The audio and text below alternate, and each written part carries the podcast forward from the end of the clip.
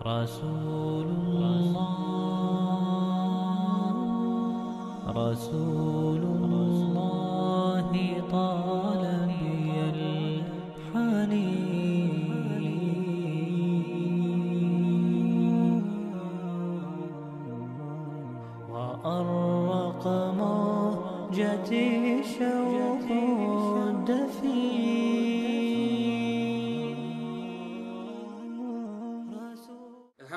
العالمين والصلاة والسلام على أشرف الأنبياء والمرسلين نبينا محمد وعلى آله وصحبه أجمعين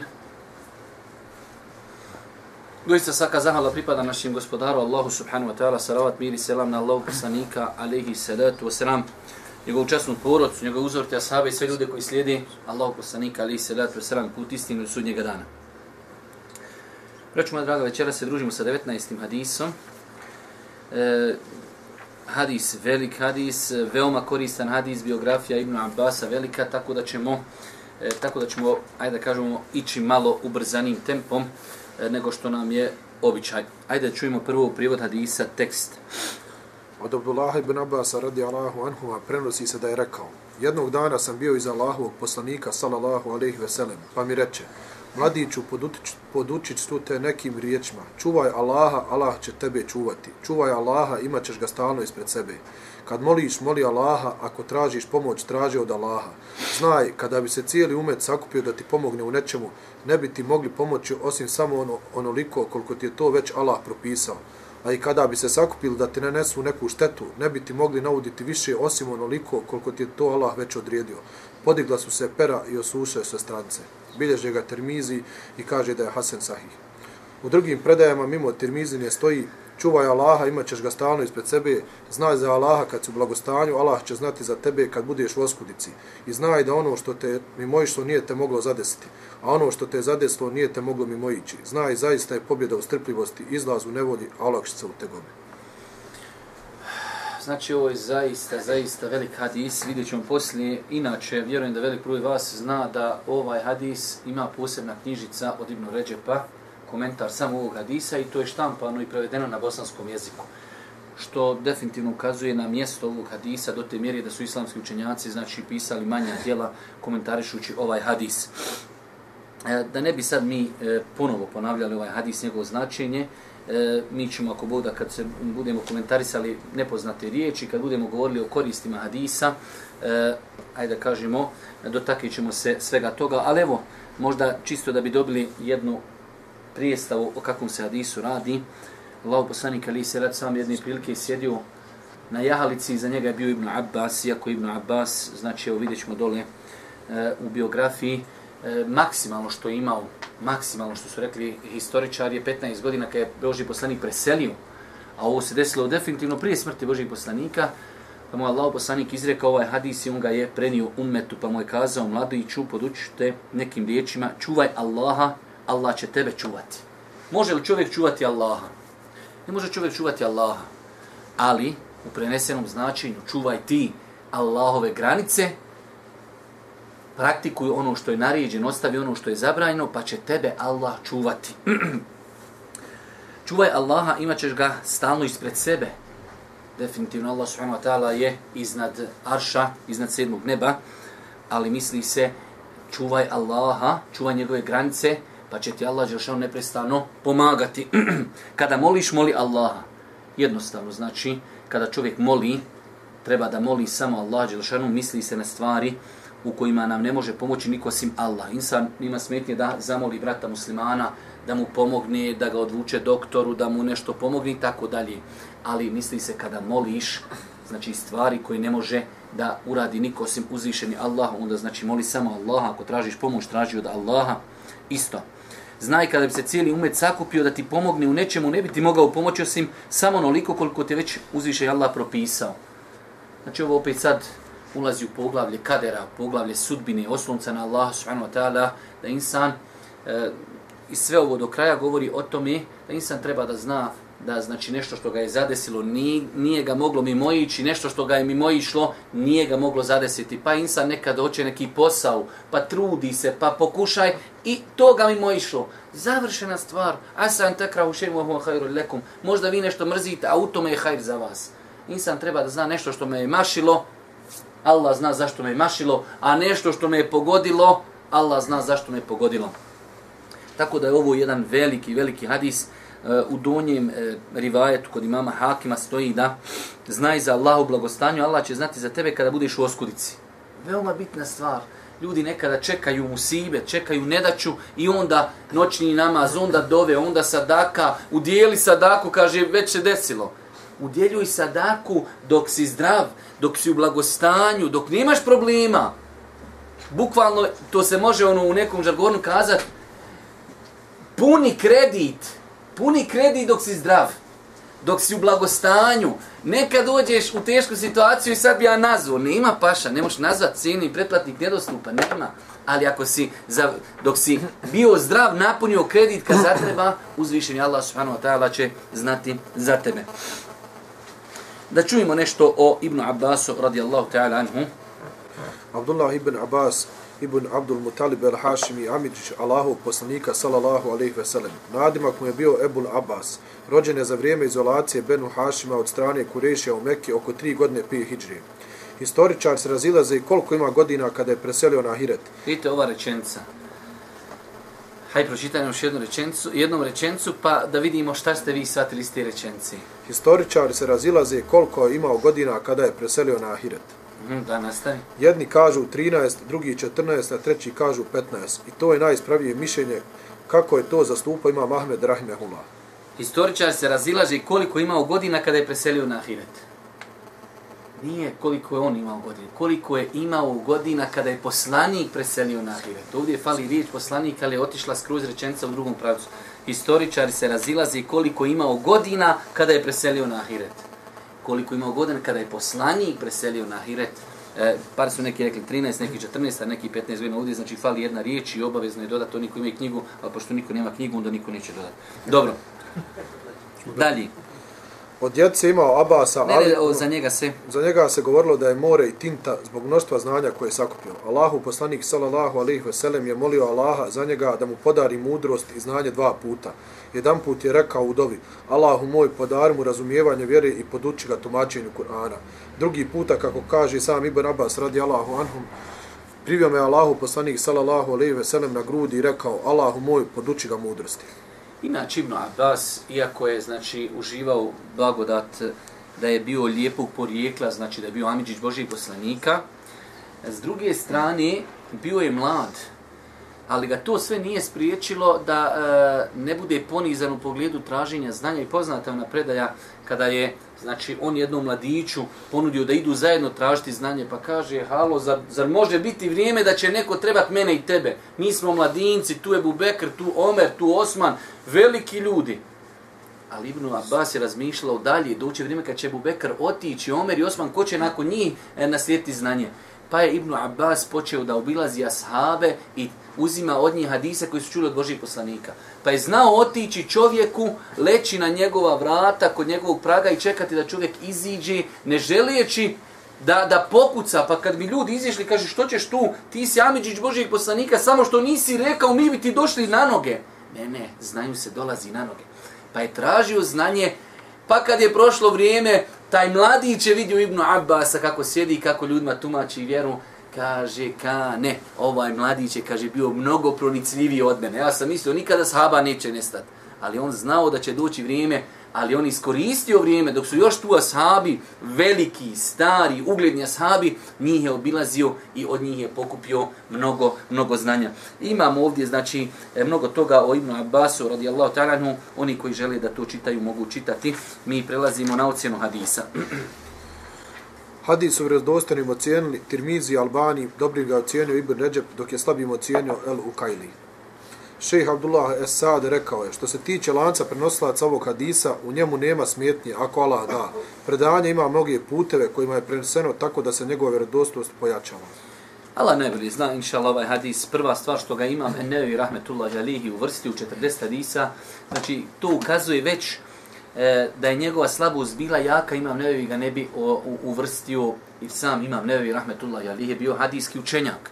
Vi znate da je on autor mnogih knjiga, jedna od njih je Rijadu Salihin, za koju opet isto on rekao, neću staviti ovu knjigu ni jedan hadis koji je žestoko slab. Tako dok je Imam Nevevi, rahmetullahi alih, ga uvrstio u knjigu 40 hadisa Imama Nevevija, to ukazuje da taj hadis, inša Allah, i ako ima neke slabosti, nije žestoko slab, a vidimo velike, velike učenjake. Imam Tirmizija je učenik od koga? Od Buharije. Znači imam Tirmizija, kad čujete imam Tirmizija ocjenio neki hadis vjerodostojnim i zato ćete naći u njegovoj sunenu, kaže, pitao sam Ebu Abdillaha. Ko je Ebu Abdillah? Buharija. Pitao sam Buhariju za ovaj hadis pa mi rekao da je sahih. Pitao sam Ebu Abdullaha to pa mi rekao da je. Pitao sam Ebu Abdullaha ovom hadis pa mi rekao to i to. Tako da znači Tirmizija, kad čujete nešto rekao Tirmizija, to je vrh, to je učenik od imama Buharije. Pa sama činjenica da je on ocenio hadis vjerodostojnim, šeha Albani svakako veliki muhadis ovog ummeta u, u, u današnjem vremenu, iako je šeha Albani umro, ali kažemo u današnjem vremenu u našem stoljeću, tako da, inšala biznila, hadis, inšala hadis, e, e, minimalno što možemo za njega kazati da, da je dobar, da je hasen, a isto tako njegovo značenje definitivno je ispravno. Vrijednost i značenje hadisa. Ibn Ređep, rahmehullahu ta'ala, je rekao, Ovaj hadis sadrži u sebi brojne savjete i univerzalna načela o najbitnijim pitanjima vjere. Jedan od učenjaka je rekao, razmišljao sam o ovom hadisu koji me je toliko zadivio, skoro da sam od sreće poletio. Žalosno je stanje većine koji ne znaju za ovaj hadis i njegova značenja.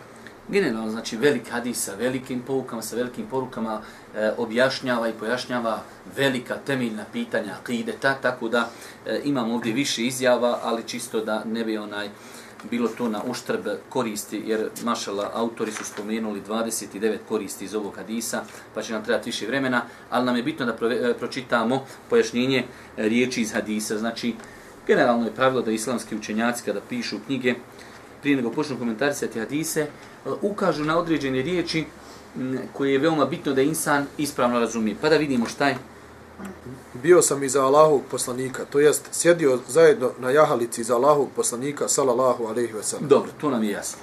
Čuvaj Allaha, to jest boj se Allaha pa čini ono što ti je naredio, a ostavi se onoga što ti on zabranio, čuvaj njegove granice, njegova prava, njegove naredbe i zabrane. Znači, kada Allahov poslanik kaže Ibnu Abbasu, ihfazillah, pazite, ovdje riječ je došla hiv, od, u arapskom inače hiv, znači nešto nahivzati, hiv, čuvanje nečega u osnovi hafiz Kur'ana, šta? On čuva Kur'an.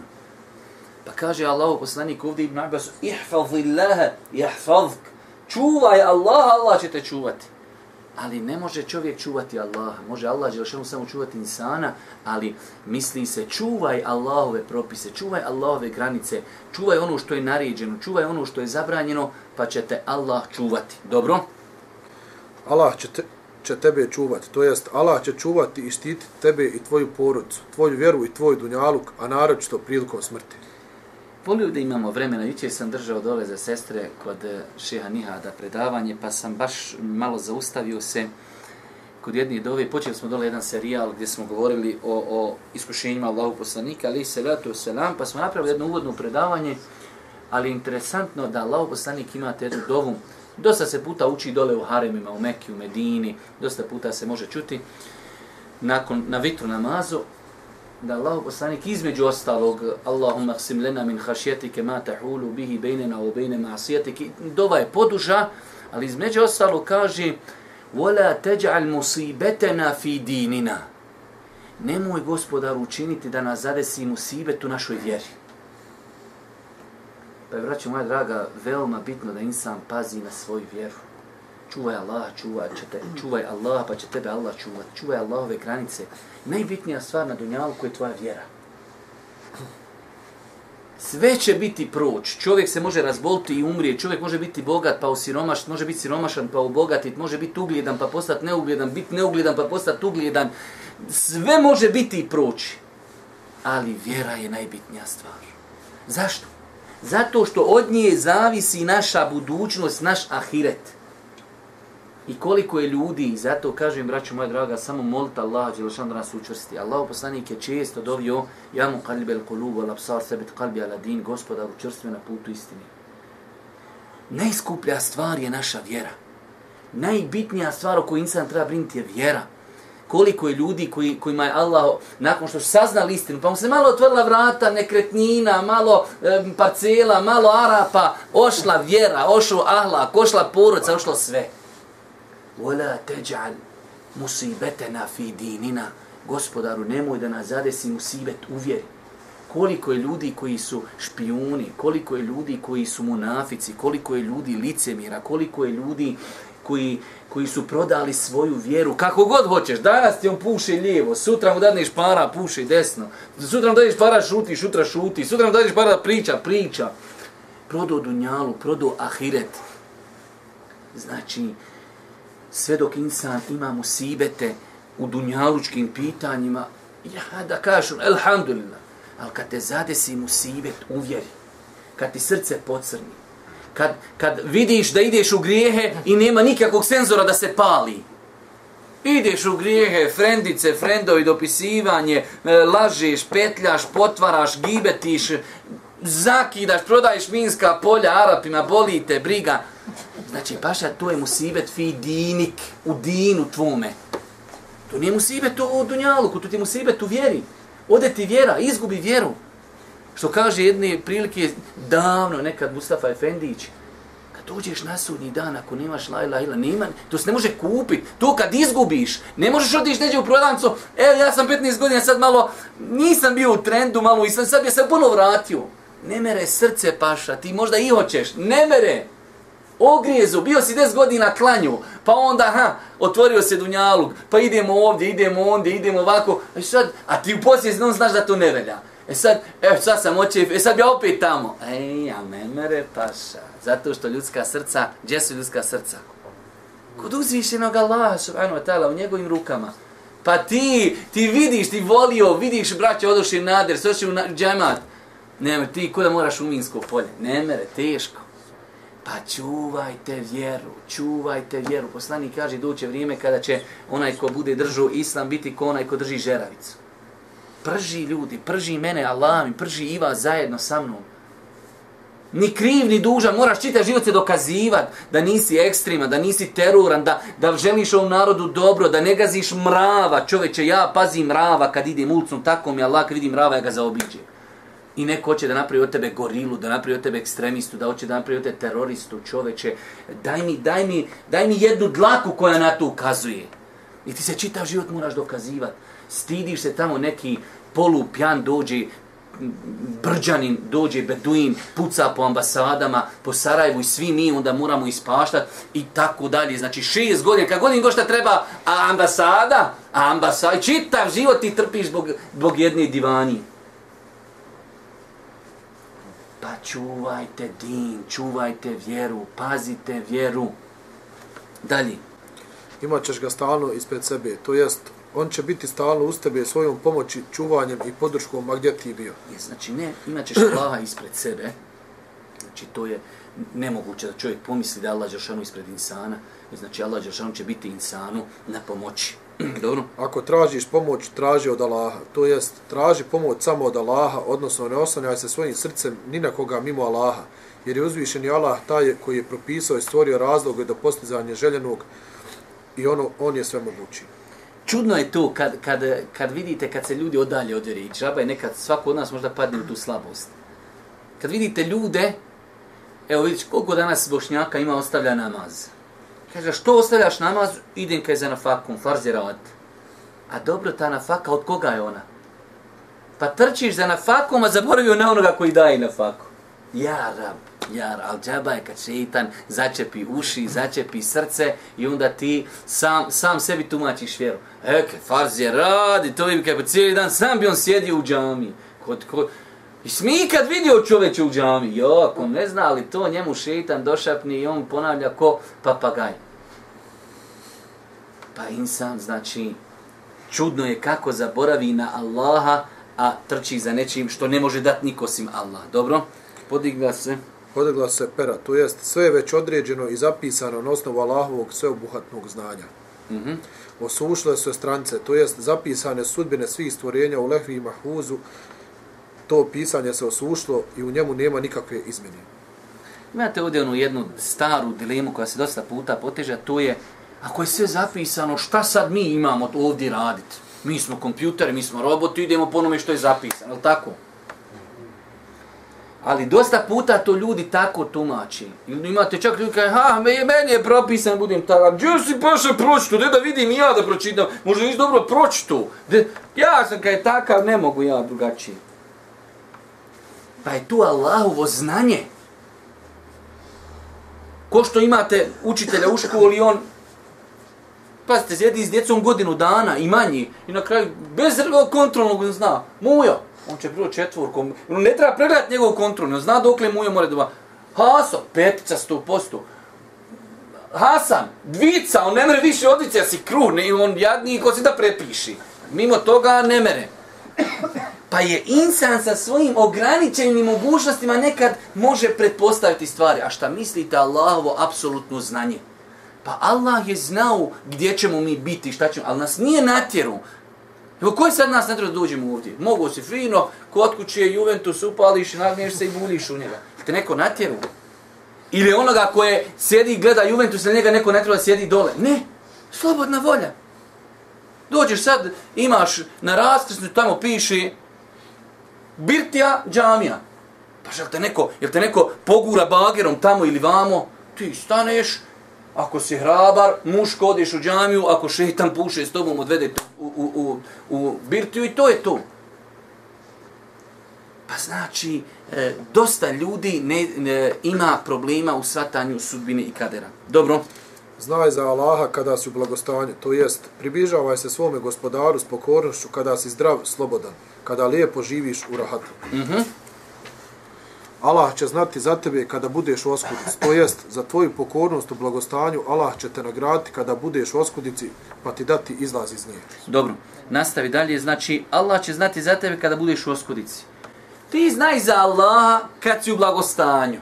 U nas je sve obrnuto. Nas kad zadesimo svi, ja rab, ja rab, ja rab, okupili se oko nas, e, gotovo sad.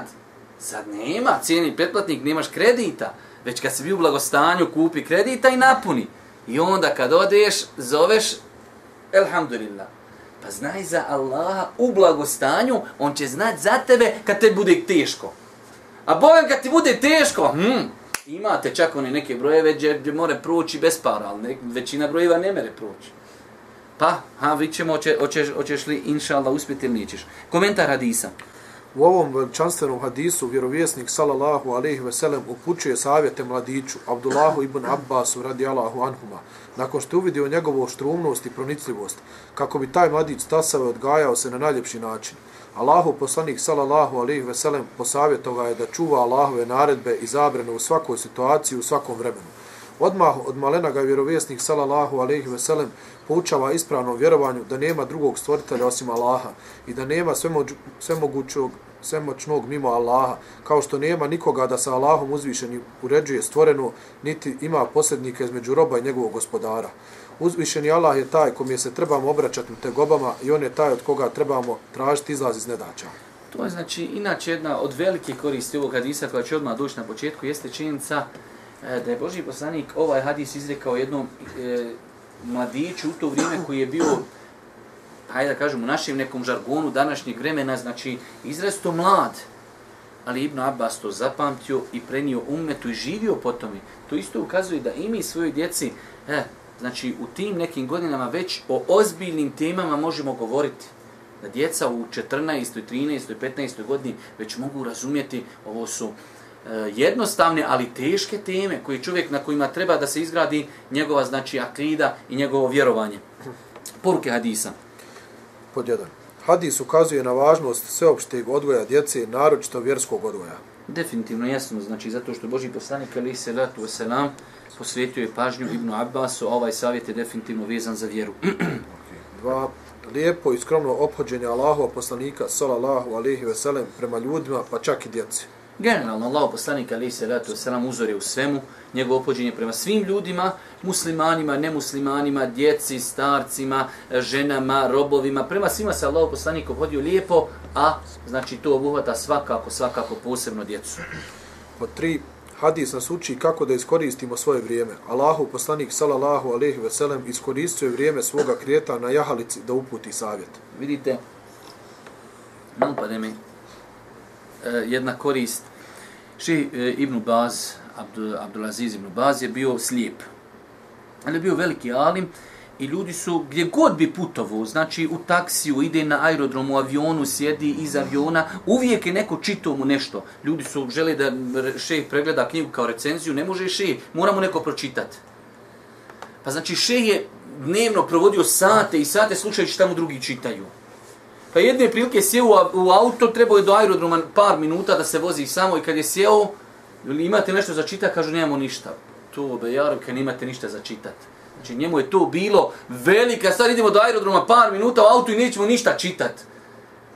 Dok od nas mogu proći dani i sati i godine da ništa ne pročitamo. Pa vidite, Allah poslanik ali se ratu sam koristio je vrijeme na jahalci s djetetom, omladincom, Pogledajte Ibnu Abbas, danas nakon 1600 godina mi sjedimo i taj hadis prenosimo. I pričamo i komentarišimo ga. I uzimamo korist iz tog hadisa, koji je poslanik na jahalici, negdje putujući po nekoj pustinji, rekao Ibnu Abbasu, koji u to vrijeme bio dječak. Po nekoj pretpostavci, znaš što je bilo, rekao mu poslanik, ću to za dva dana zaboraviti, selam aliku. Ali ne. Insan ne zna, pazite, današnje vrijeme pogotovo, vjerujte, ovo je velika korist koju insan treba da nauči, tvoje da posadiš. Kad će nikniti, gdje će nikniti, šta će nikniti, to nije tvoje. Mislim u pozitivnom smislu hajru. Ja, Allah, ne volimo sve pričati.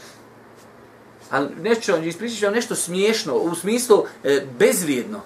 Jedne prilike sam ošao u jedan džema držati predavanje i posle predavanja ustade neki dedo, ok, sad on nešto hoće da o meni rekne, sad, pazi, mora biti pozitivno, negativno, pogotovo ja sam tu prvi put, čovjek s bradom i tako dalje. E, kad vidite ovog ovdje momka, ja kad sam nekad davno, 2000 i kusur neke godine išao na hađ, on je mene odveo kod sebe, kaže, i žena njegova napravila krompiraću, ja tu krompiraću nikad zaboraviti neću. Pa što ja sam zaboravio i pitu i kompiraću i njega, ko da ga, to be, Aravić, on znaš me, ma ne znam te, šta ti imam petljat ali još da ti kažem, tvoje je da uradiš dobro djelo. Ono je kod Allaha upisano, da li ćeš na dunjalku ići njegove koristi ili nećeš, to te i ne interesuje. Ali u većini slučajeva naše je da uradimo dobro, da, za, da zakopamo, da stavimo u zemlju.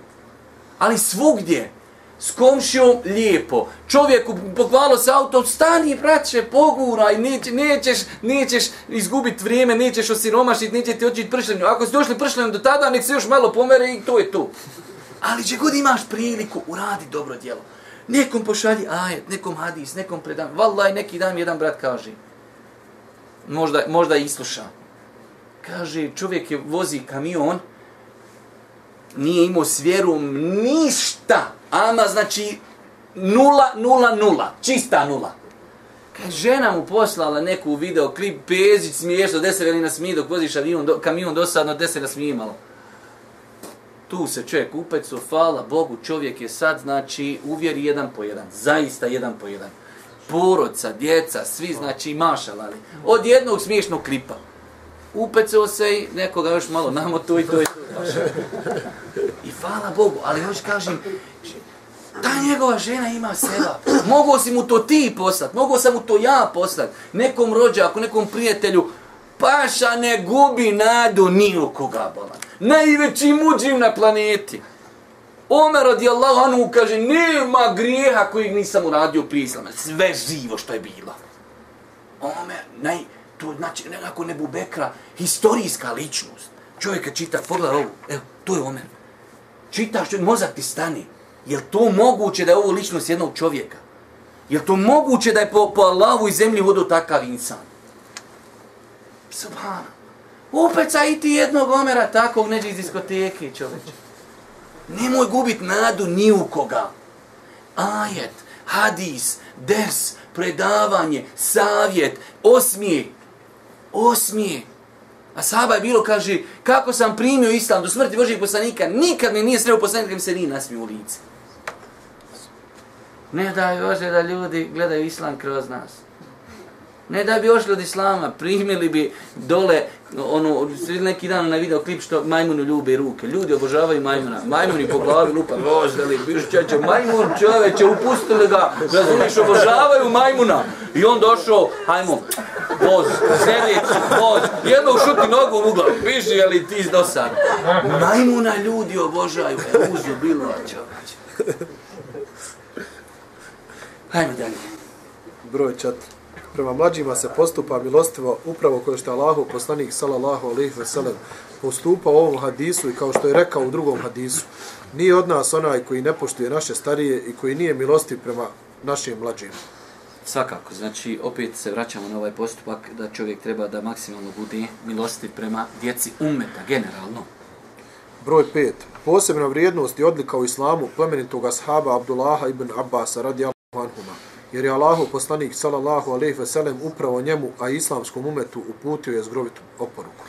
Definitivno Abdullah ibn Abbas, znači i zbog ovog hadisa i bez njega ima velike druge odlike, znači da je bio e, poznati, poznati alim i poznati tumač Kur'ana, tako da Ibn Abbas je e, mnogo veći od toga da da se može, što bi rekao, spomenuti u jednom, jednom rijetku dalje. Broj 6. Onaj koji želi da uputi bitan govor, neophodno je da mu napravi uvod, put, putem kojeg će privući pažnju, kao što ovom hadisu Allahu poslanik sallallahu alejhi ve sellem rekao: "O mladiću, doista ću te ja podučiti bitnim riječima." Također, poželjno je kod važnog govora koristiti riječi koje će probuditi interesovanje i pažnju kod slušalaca. Ovo je više pedagoška metoda, znači čovjek kad hoće nekom i nešto reći, e, bitno je da, da ga pripremi. Jer jednostavno, ako čovjeku nekad nešto rekneš, a on nije spreman, zaista postoji mogućnost da ta informacija prole. Ali kad ti čovjeka čeka, sad ću nešto reći, veoma bitno. Da čovjek, da ga pripremi, da se on jednostavno skoncentriši na to. Ja znam jednog daju našeg, a poslije sam i ja malo glumio tu njegovu u foru, kad odeš, kaže, kod neke bitnije lično, ličnosti, moraš nešto uradit, kada ima vas puno, moraš nešto lupit, nešto uradit, da tebe zapamti, jer te, tebi u interes posljedno rekneš, ja sam, aha, znam te. I znači, tako te moraš, znači, jednostavno čovjeka na neki način pripremi da on nešto zapamti. Pa insan, znači, kad hoće nekom nešto bitno reći, stani, sačekaj, molim te da se koncentriši, ovo je nešto veliko, ovo je nešto krupno i tako dalje. Pa je to, znači, jedna e, pedagoška metoda da čovjek kada hoće nekom i nešto, ra- pogotovo ovo se odnosi na ljude koji rade u prosveti, kad su u pitanju djeca, djeca su nemirna, ovo, ono, pa da čovjek kada im želi nešto kazati, da onaj, ima tu neku metodu, mi smo imali neki predavača, vjerujem da i vi neke znate, pa od 45. minute i počne i na kraju, i onda ljudi ono, eh, na kraju, šta će čuti na kraju? I onda opet još 10 minuta, i onda kad opet počnu ljudi malo ono, kaj, i na kraju, i opet još 10 minuta. Opet kad počnu oni neka, e, sad, i na kraju, i onda još zadnjih 10 minuta, i to bude većinom zadnji na kraju. Broj 7. Hadis nas podučava da najveću pažnju moramo pridavati tevhidu, Allahovu jednoći, te pozivati druge u njega.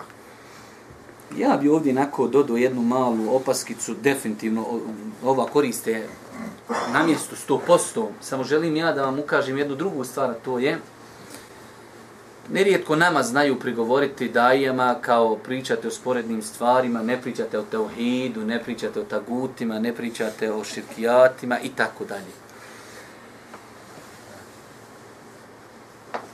Braću moja draga, ja volio da mi neko kaže da sam ja održao negdje ders i da u tom dersu nema govoru akidi. Ali ne mora kad držiš ders o akidi napisat vrste teuhida i hajmo držati takav ders. Zašto da ne bude ders ljepota islama i pričaš o ljepoti islama i ljudima na indirektan način govoriš o teuhidu? Zar mi ne govorimo o turbetima, zar ne govorimo o, o, o hamajlijama, o horoskopima, zar ne govorimo o stvarima, o psovanju Allaha, o vrijeđanju, o slijedjenju poslanika, o novotarijama, ali na jedan lagahan način kako to ljudi mogu progutati. Nigdje nećete naći da je poslanik, eh, hajmo ashabi, sad zapišite, tri su vrste tauhida, esmau vasifat, rububije, uluhije. Već je to ulema, već je to ulema e, iscrpila i podijela da je to lakše zapamtiti. Ali ako će to, staviš ti predavanje vrste tauhida BKC. Tri osobe došle na predavanje.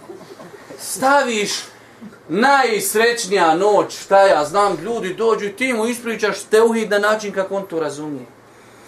Pa nemojte da vas zavaravaju ti, ti, ti dušebrižni, teuhidci koji toliko o teuhidu brinu da 24 sata su na žici, Ti ljudi nikad u životu nikom letka nisu dali. Nikad u životu suferi nisu naučili. Oni još, oni još imaju problema sa fatihom, još je pitanje da im fatiha ispravne, ne znaju fatihi. Ja znam ljudi koji su glavni, glavni u nekim klanovima tamo, oni fatihi ne znaju, ne znaju sufari još. Nakon 20 godina namaza. Ali sve e, hakimijete i sve kufrove i tako, sve to znaju. Pa znači, nemojte nasjedati na te priče, a insan koji ima i svojih grešaka treba i popraviti ako neko i ne priča o tevhidu. Definitivno tevhid je najbitnija stvar, ali nije uvjet kad se priča o tevhidu da se priča pod imenom. E sad piš, pričamo o tevhidu. Bitno je da ljudima dostaviš znanje. Kako ćeš ga dostaviti? Ja ne volim da se, znate da ne volim pričati o sebi. Ja sam jedne prilike kada je dolazio jedan ših, velik jedan ših, Pa sam mu ja spomenuo, rekao šejh, meni ovako voli prigovara da ja volim nekad na, na tribinama malo publiku i na smija, čisto da im malo popravim onaj koncentraciju. I ja mu ispričam kako ja to radim. Kaže Allah mi čovjek, a veliki je šejh. Kaže, to ti Allah tebi otvorio taj način i ne puštaj to, drži, ostane. To što kaže zvoni, pričaju, lupetaju, pusti, kaže nek pričaju. Tebe Allah otvorio način metoda, ti možeš ljudima akidu pojasniti na način da se oni nasmiju ostane na tome i samo bismillah i dalje. Ali dođu ljudi koji ne vidi on svoj nos, nema teorije, on, on mora otići na ogledalo da se pogleda, da vidi nos i onda će on, on bi sebe sad da uči. Allahom vam se kunim. Mate ljudi, ko što kad su došli u našem jednom ševu, da ga ne spominjemo, mi bi šest on da raspravljamo o kufru, tako kao, može na arapskom jeziku, kao, mi ne znamo arapski, ma mrš mi iskuće, gdje smo tako priča, ne znaš arapski, hoš pričat u vjeri, voz! Ne zna čovjek arapski, hoće da priča o vjeri. Čitav život čitaš prevedene knjige i on će o kufrima, o tevhidima pričat, pa čoveče ti nikad u životu nisi otvorio arapske izvorne knjige, čoveče. Nikad u životu nisi vidio šeha uživo, čoveče. I onda dođe, e, vau, bau, ja sve shvatio ovo, samo nas trojica u Sarajevu imamo u, u imanu islamovoj, sve za džehennema. Hajde dalje. Broj 8. Pod čuvanjem Allaha misli se na čuvanje Allahovih propisa.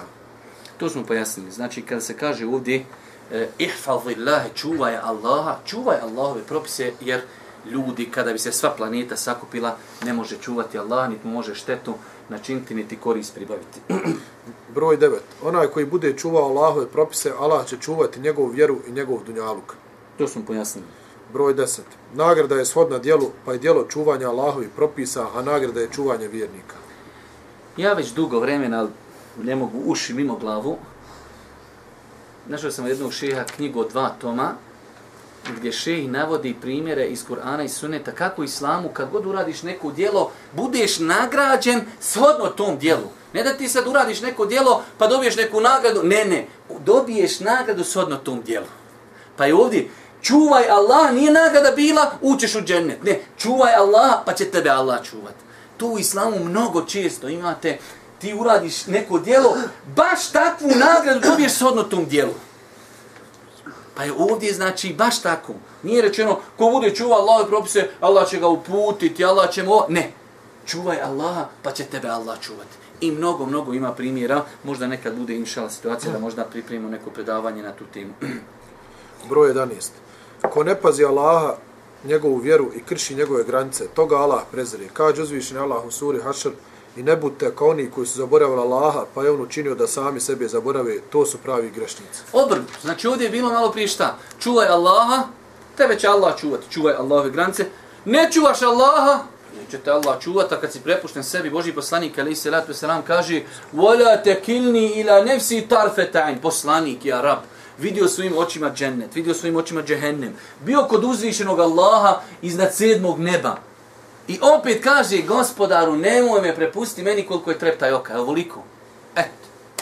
Poslanik neće da bude bez Allahove pomoći i nadzora koliko je treptaj oka. Ti kad ostaviš Allah, Allah će te prepustiti. Eto ti. Ko što je došlo u određenim hadisima za Hamajlije. Ko kaže za nešto srce vezuje, tome će ga Allah prepustiti. Čuvate zapis. E, eto. Vidite što će te baš nas čuvati. Ehe, i hoće. Eto. Oslan se na zapis. Baš vidite to će te čuvati. Ova ćete čovjek ti kopirao papir, odi u kopirnicu na kopir, razumiješ 300 zapisa, sjedi jedan dan, mota i sutra prodaje. Dalje. Broj 12. Kao što vjernik obožava samo Allaha, trebao bi tražiti pomoć samo od Allaha. To je od potpunog vjerovanja u Allahu jednoću. Iako je dozvoljeno da traži pomoći i da se potpomaže s drugim ljudima u onome što je u njihovoj mogućnosti, zbog riječi Allahova poslanika, salallahu alihi veselem, sadaka je i ako drugomu pomažeš da se popne na jahalicu ili mu dodaš njegov tovar. To sam pojasnila na početku, da ne pojašnjavamo više. Znači, imaju stvari koji ne može, ne može niko. Ti stvari nije dozvoljeno tražiti mimo Allaha Đelešanu. Dok stvari koje mogu ljudi insanu pomoći, insan i može tražiti da mu Allah Đelešanu olakša, ali isto tako nije sporno da insan traži od nekoga, od ljudi. Dobro? Broj 13. Čovjek mora sve svoje nade usmjeriti Allahu, a ne stvorenjima. Oni ne raspolažu ničim, niti štetom, niti koristi. Više nego jasno. Broj 14. Hadis ukazuje na nemoć svih Allahovih stvorena i njihovu prijeku potrebu za uzvišenim Allahom. Kad se kaže svi okupili, da ti nešto urade, da ti našteti, da ti povećaju na faku, ne mogu. I dosta puta, zato ja sam to pokušavu, e, kroz predavanje na razno razne načine pojasniti kolika je slabost insana. Dosta puta insan, e, pogotovo kad ga udari umozak dunjalu, kad ga udari dunjalu, kad ga udari novac, auta, ugled, e, uspje. Halo, to ne mere nikad skonta sam ja, to ja jedini, za ovo ostalo sve šaša, to razumiješ. Pa ilm, pa ugled, pa no, a, moje prezime, halo, moj dedo je išao tada pješci na hađ, a ja ne znam kako se abdesti, ali je bitno da je dedo išao na hađ. To što dedo za sebe išao. Pa kad ljude udari u glavu, znači dunjaluk. Pa insan treba da se pazi takvi stvari. Dobro, dalje. 15. Stoga je obaveza vjernika da se veže za Allaha, istinski oslanja samo na njega i ne okreće se od njega ka stvorenjima, jer stvorenja ne posjeduju u svojoj ruci ni dobro ni zlo. Jasno. Broj 16. Hadis ukazuje na obaveznost vjerovanja u Allahu u odredbu i da je uzvišen Allah sve zapisao, a to se desilo 50.000 godina prije stvaranja nebesa i zemlje, kako nas se obavestio o tome Allahu poslanik sallallahu alaihi ve sellem. Pojasnili smo ovo. Znači da uzviše Allah subhanahu wa ta'ala kao što je došlo u vjerodostojnom hadisu, prvo što je stvorio je šta? Kalem, pero. Pa je rekao, uktub, piši, kaže, šta ću pisati, ja rab? Piši sve što će se desiti do sudnjeg dana. Sve zapisano.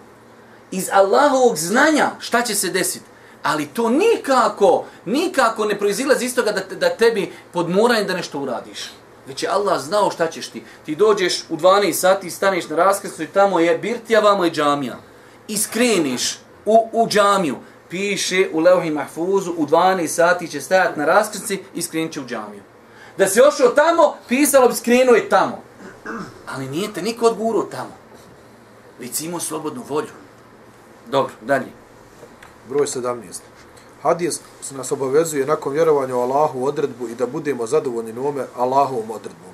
Definitivno, e, u tom kontekstu su riječi uzvišnog Allah subhanahu wa ta'ala Asan takrahu še'in wa huwa khairul lakum. Asan tuhibbu še'in wa huwa sharrul lakum.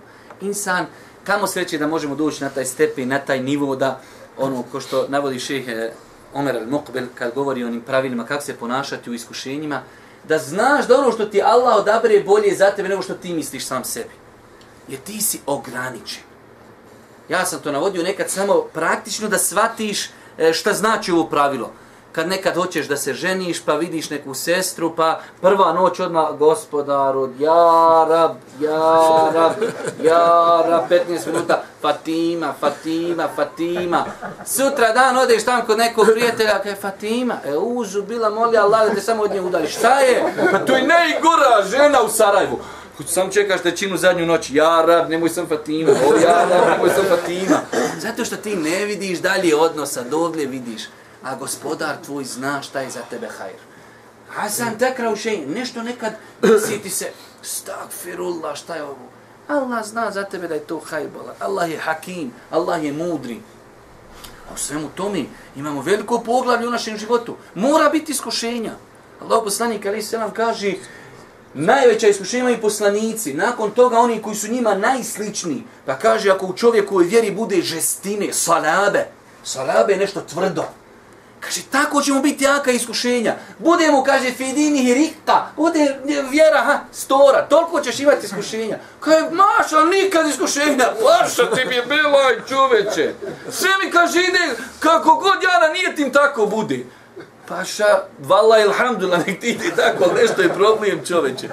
Poslanik bio poslanik, ja Arab, kad počneš čitaš šta je poslanik imao iskušenja, valaj da osjediš samo slušajući šta imao iskušenja naj, najdraži rob gospodaru Muhammed Ali Selam toliko iskušan. Pa insan znači mora biti iskušenja. Da se pokaže. Hasibe nasu jutra koji je kulu, amena ohum la juftenun. Misle li ljudi da je dovoljno da kažu mi vjerujemo, neće biti iskušani. Nemoguće, moraš biti iskušan. Šta su ljudi prije nas trpili? Pogledajte historiju ashabi, eh, poslanika, šta su poslanici trpili. Pogledajte historiju naših poslanika. Pogledajte historiju ashaba, šta su trpili. Poslanik navodi primjer, znalo se desiti u prijašnjim narodima, da su čovjeka dovedu i prerežu ga preko pola glavi i kaže, ali ga to ne odvrati od njegove vjeri. Eša nama dođu Arapi na, na dvije nekretnine, zaradiš 10.000 maraka i više se s tobom ne mre pričati. Tako mi Allah se. Ljude su rezali popola i toga ne odvrati od njegove vjeri. Ne se odvrati od vjeri na karci kad imaš 20.000 maraka. Dalje. 18. Niko ne može promijeniti Allahu odredbu i ono što je zapisano. Podigla su se pera i osušile su se strance. Ovo je generalno, znači da ono što je zapisano se ne može promijeniti. Imamo nešto o čemu je govorila islamska ulema, kad su u pitanju imate primjer radioni hadise, produženje na fake, povećanje životne dobi, ko obilazi rodbinu ili ili tako dalje. To se svata na način, braću moja draga, da imamo dvije opcije. Pa insan ako uradi ovako, bit će tako. Ako uradi ovako, bit će tako. Ako je god da izabiri, to je ono što je zapisano. Pa primjer radi čuvanje rodbinskih veza, povećaj na faku i produžuje život. Pa, da, da navedemo primjer. Mujo, Ako bude čuvo rodbinske veze, živit će 70 godina. Ako ne bude čuvo rodbinske veze, 60. Ono što je ono dobro, to je zapisano u Leuhi Mahfuz. Iako ima učenjaka koji to sataju na način bereketa. Da će Allah Želšanu nekim ljudima dati bereket u vremenu. Da će mu bereket u životu, bereket u imetku. Inšala, i to je, eh, hajde da kažemo, ispravno razumijevanje. Jer imate nekad ljudi zaista. Vi kad vidite, šehul Islam Tejm je napisao vasitijsku akidu od Ikandije do akšama. Sitijska akida se danas radi na nekim fakultetima više godina. Kao predmet. On je napisao od Akšama, od Ikindije do Akšama. Znači jednostavno beričet i blagoslov u vremenu. Dobro. 19. Svi ljudi cijelog svijeta ne mogu ti koristiti niti štetiti, jer korist i šteta su određene od Allaha, to jest mogu ti koristiti i štetiti samo onoliko koliko je Allah odredio. Ovo je srž vjerovanja iako insan koji insan, džaba je slabost, eh, uzima svakog insana. Najveći primjer tačnosti ove teorije je ko? Hald ibn Velid. Nimate veći primjer praktičan šta znači kader i sudbina. U Hald ibn Velidovoj biografiji, lično sam išao u knjige koje govori o njemu, kaže Hald ibn Velid kad smo nastupile smrtne muke, kaže na mom tijelu nema pedalju ili da ga nije zabola sablja i pogodilo koplje ili veliko ono koplje. Uglavnom, sav je izrešetan, sve, kaže. I ja, kaže, evo, umirem ko što umiri stara deva. A išao sam tamo gdje se smrt traži. Uvijek prvi, vojskovođa, nikad jedne bitke nije izgubio. Uvijek prvi. I uvijek onog prvog bi trebalo ubiti. Ali umro, kaže, na postelj. Ja, kaže, umirem kod deva stara, a išao sam tamo gdje se smrt traži. Išao, htio sam da poginem, da budem šehid a toliko izranjavan. Sa znači, sa to treba da ga ni jedno nije bocilo da, da bude ono završno. Izboden toliko, toliko izrešetan, ostao živ. Znači, jednostavno, kader. Ja znam kod nas za vrijeme rata, iako ja te ratne priče ne volim pričati, a i nema mi puno zato što sam bio malehan, ali sve, hvala Bog, bio sam u ratu. Jedne prilike bila jedna akcija i imali smo mi sam jednog doktora i u isto vrijeme ranjena dvojica ljudi. I on kad je pogledao njihove rane, kaže, kojeg uzmim rad, inšala, on će ostati živ, ne znam je rekao inšala, ali ono po njegovom tom doktorskom žargonu, on je rekao, ovaj će ostati živ, kojeg ostavim, on će umrt. De nam odaberte, kaže, mlađijeg je ono, na mlađima svijet ostaje. Allahov kader. Oni pogledaju koji mlađe i uzmu starijeg. A mlađi umri. On kaže, dajte mi mlađeg, pa eto, ovaj malo starije se više, više malo naživio, neko ovaj stariji umri, daj da mlađeg uradimo. Oni uzmu starije, kad su poslije vidjeli na, u dokumentima, uzeli starijeg mlađe umri. Allah ti oda, ovaj ostane, i danas dan čovjek živ taj. Onaj mrtav već se naležo u zemlji, to Arabi, koliko već preko 20 godina. A čovjek htjeo da spasi mlađe. Subhanallah, htjeo ono nešto drugo. Dobro, dalje. Ukoliko je Allah nekome od svojih stvorenja nešto propisao, to će ga sigurno i zadesti. Neće ga mimo ići. A ono što mu nije propisao, to ga nikako ne može snaći. Sve u istoj priči pričam. 21. Hadis uči muslimana hrabrosti, smjelosti i odvažnosti, izgrađujući kod njega ubjeđenje da je korist i steta jedino kod Allaha, kada ga ništa od toga ne može snaći osim sa Allahovim, dopust, do, osim sa Allahovim dopustom. Sve ista stvar. 22. Nakon svakog strpljenja dolazi pobjeda, nakon svakog iskušenja dolazi izlaz i nakon svake teškoće dolazi olakšica. Ovo je jedno veliko pravilo koje je uzeto iz ove druge predaje.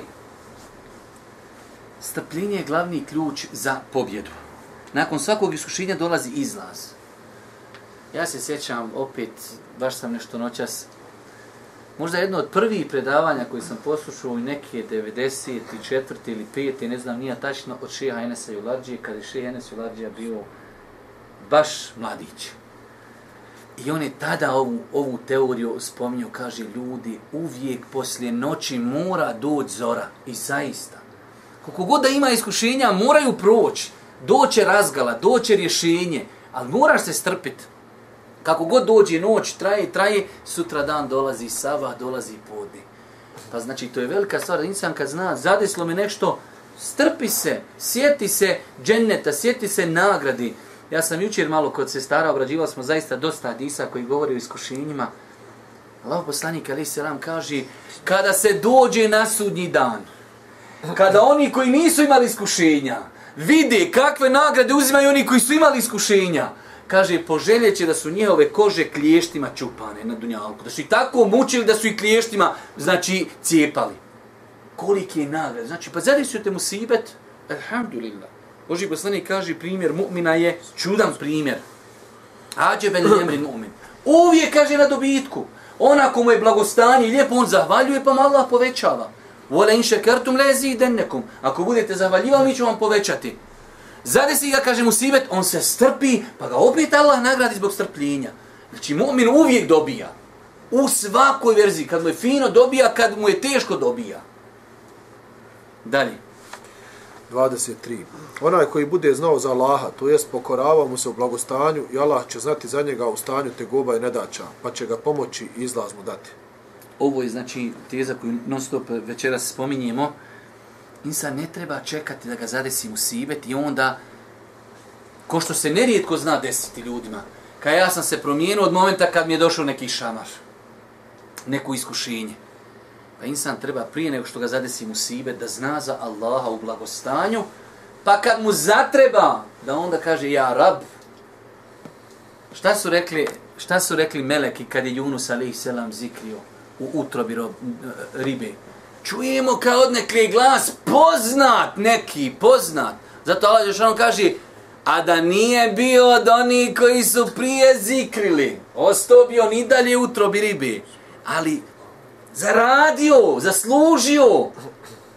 Poznat glas, ti zoveš u kola, ovaj nepoznat, daj upiš ga tam prvo, da otvorimo me lev, tamo otvorimo tamo kartu, pa vidit ćemo će li kad doći na rid. Ali kad neko zove, ovaj, pa znamo ovoga, to je taj naš rob koji svaku noć plaće, klanja, dovi, daje, sadake, a pa pozito, to je to. Dobro, dalje. 24. Hadis nam govori o posebnoj vrijednosti pokoravanja Allahu u vrijeme lahkoće. Jasno. Znači, insan kad ga nešto pritisne, sam sebe lakše natjera. Ali u blagostanju, ah, fino, brate, daj daljinski, daj plazmu veća od ovih gore, oh, što je fino, sad igrači većina na, na, na, na, televizor, nego uživo, sad ide više gledat gore, i ja, rab čoveče, kamere, sve pa usporen snimak, pa vrati, sje, uči jezan, idemo dalje. Filmovi, serije, hodanja, mora, oh, što je fino, pa, man, inšala, inš kad bude 60 godina, ja ću nahađ i oni još dvije godine obavim i to je to. E tada, kad si u blagostanju, kad je fino, kad si bog, kad si zdrav, e, razbolio se, e, ima li kakva dova? E, gotovo. to paša. Sad, ganjaj gore doktore, nima dova za tebe više. Blagostan dok si zdrav. A to je Boži poslanik kad govori o sadaki, kaže, najbolja je sadaka kad udjeljuješ, a i tebi taj imetak potreban. I ti bi vo, jednostavno natječeš se sa imetkom. E, to je. Tako da insan znači posebna vrijednost pokornosti Allah u blagostanju.